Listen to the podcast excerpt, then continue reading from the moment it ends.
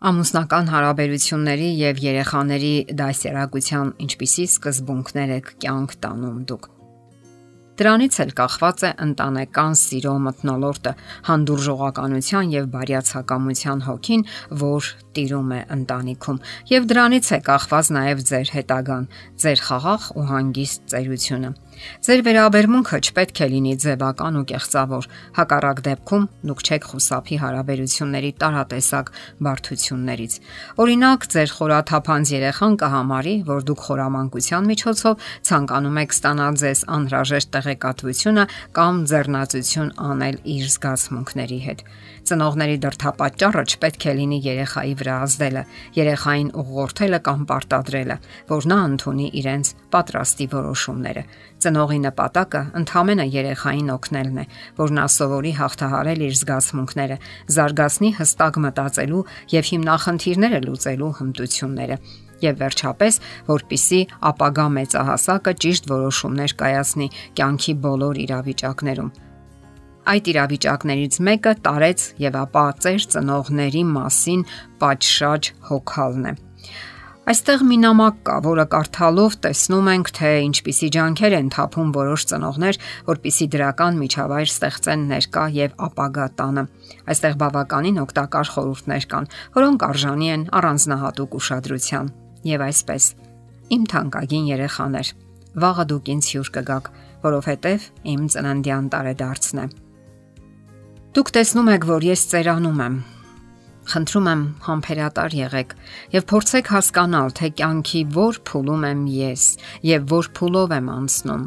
Եթե ես եւ հայրիկը սկսենք պատմել ձեզ այն, ինչ պատմել ենք 1 տարի առաջ, եթե սկսենք կրկնել այդ նույն պատմությունները նորից ու նորից, խնդրում եմ չընդհատեք մեզ եւ գրգռված չասեք։ Դու արդեն պատմել ես դա մի քանի րոպե առաջ։ Պարզապես լսեք, խնդրում եմ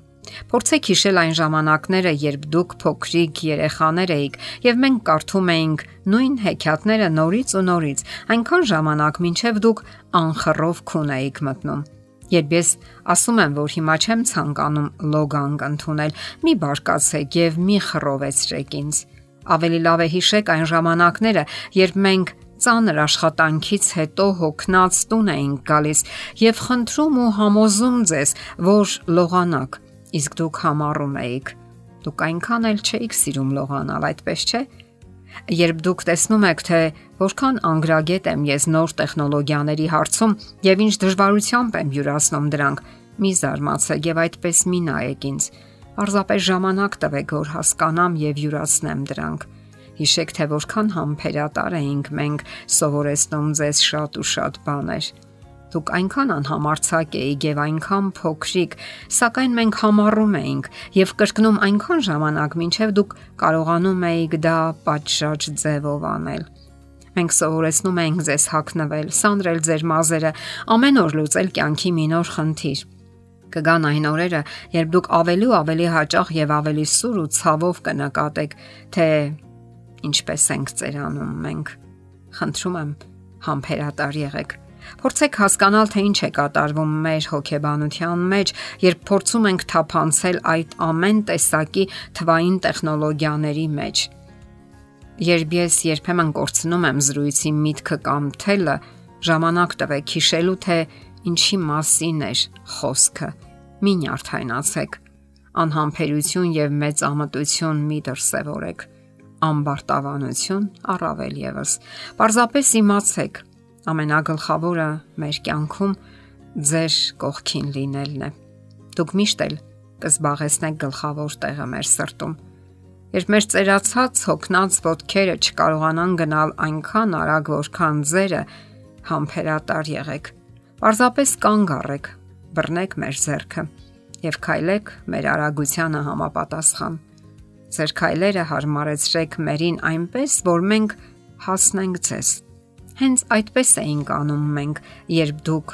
նոր էիք սովորում քայլել։ Մենք բռնում էինք ձեր ձեռքը եւ տանում կյանքի ճանապարհներով։ Դուք հաճախ էիք վայր ընկնում, սայթակում, սակայն մենք միշտ ձեր կողքին էինք, չէ որ դուք նոր էիք սովորում քայլել։ Իսկ այդ օրերին մենք այնքան էլ տխուր չէինք։ Մեզ համար հաճելի էր բռնել ձեր ձեռքը եւ ընթանալ կյանքի ուղիներով։ Պարզապես ժամանակ գտեք մեզ հետ լինելու։ Փորձեք հասկանալ մեզ։ Հնարավորություն տվեք մեզ հանդարտ անցնելու մեր կյանքի մնացած ընթացքը, անցնելու սիրով եւ սրտի թրթիռով։ Ես գնահատում եմ ձեզ հետ անցկացրած ժամանակը։ Ընթանում եմ այն որպես պարգև Դե ինչ, ավարտում եմ իմ նամակը մեծ ժպիտով եւ հսկայական սիրով։ Պարզապես ցանկանում եմ հիշեցնել.